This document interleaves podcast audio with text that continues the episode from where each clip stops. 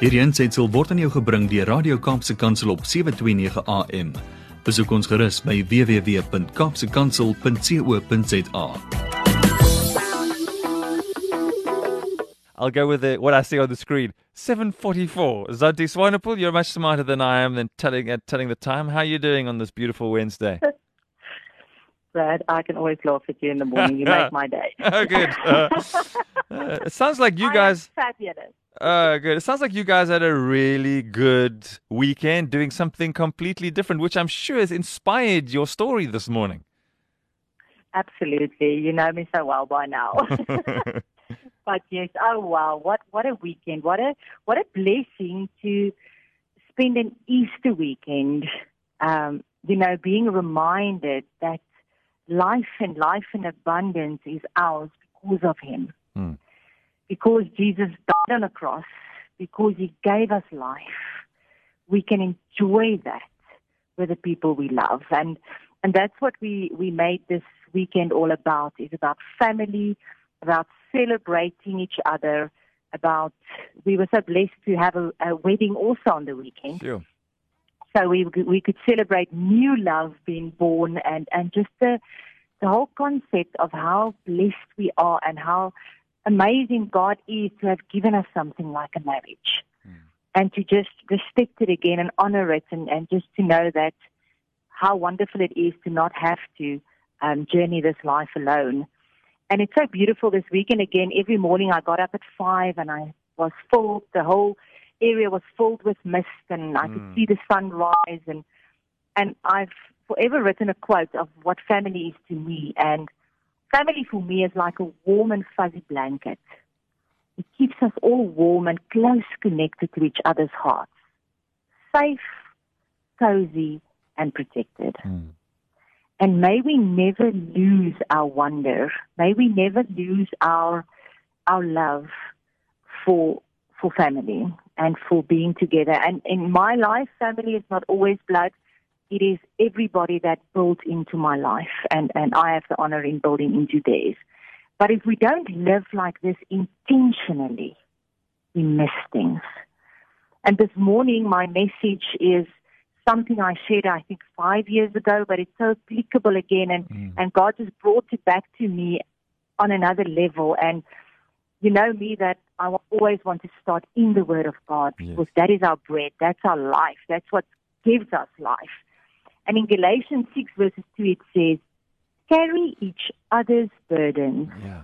and in this way you fulfill the law of Christ. We so many times think that that the law is not applicable or um but God gave us love and he said to us, love him and love our neighbors like we love ourselves.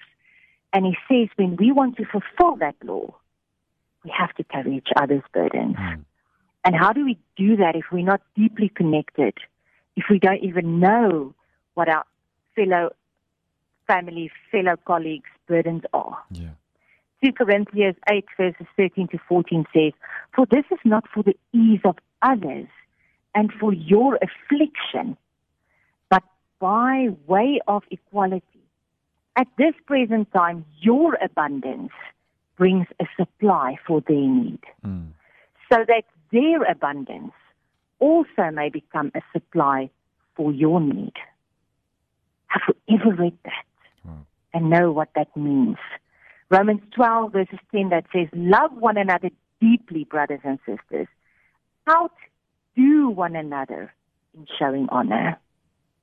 Have you ever heard outdo one another in showing honor? Philippians 2 verses 4. Everyone should look out not only for his own interests, but also for the interests of others. Hebrews 10 verses 24, and let us watch out for one another to provoke love and good works. When we hmm. look out for each other, we provoke love and good works. And and Brad, while uh, we were just having fun this weekend, and on Sunday Yeah. we did, you know, the family did eight kilometers of river rafting Wow. um, which is, oh, it just impacts you on a different level. Then you really notice that you can do nothing alone. Mm. and that you are more powerful together and you're stronger together and that you go through many afflictions on the water. But at the end, if you stick it out and you stick together, you are victorious. Now, the story I want to leave you with this morning is just a perspective. Mm-hmm. It's a story I shared about five years ago, but it, it, it just grabbed my attention again to what we are to do to fulfill the law of love in our lives. You see, Charles Plumb was a Navy jet pilot fighter in Vietnam. And after 75 combat missions, can you imagine that? Mm. His plane was destroyed by a surface to air missile. Plumb ejected and parachuted into enemy hands. He was captured and spent six years in a communist Vietnamese prison. I don't even imagine what that was like. He survived this ordeal and shares one of the many experiences he had and lessons learned. One day, when Plumb and his wife were sitting in a restaurant, a man at another table came up to him and said, You are Plumb. Mm. You flew jet fighters in Vietnam from the aircraft Kitty Hawk. You were shot down. Plumb obviously replied with, How in the world did you know that? Because I stuck to parachute, the man replied. Sure. Plumb gasped in surprise and gratitude. The man pumped his hand and said, Well, I guessed it has worked. Plumb assured him, It sure did, sir your suit hadn't worked, I wouldn't have been here today. But Plumb couldn't sleep that night, thinking about that man. He says, I kept wondering what he might have looked like in a Navy uniform. A white hat, a bib in the back, a bell-bottom trousers. I wondered how many times I may have seen him and not even said, good morning, how are you? Mm. Or anything. Because you see, I was a fighter pilot and he was just a sailor. Hmm. Plumb thought of the many hours this sailor spent on a long wooden table in the bowels of a ship, carefully weaving the shrouds and folding the stalks of each shoot, hmm. holding in his hands each time the fate of somebody he didn't even know. My question over this weekend and today to myself and to every listener is who is packing your parachute? Who helps you get through every day? Makes the day easier, safer, or just more pleasant? The other question I want to leave you with is for who are you packing a parachute hmm. today? Because each of us touched by individuals who provide what we need to make it through every day. Praise those people. In Zulu, there is the most beautiful greeting, and I use it often because it says so much more than hello. Siyabonga means I see you. Mm.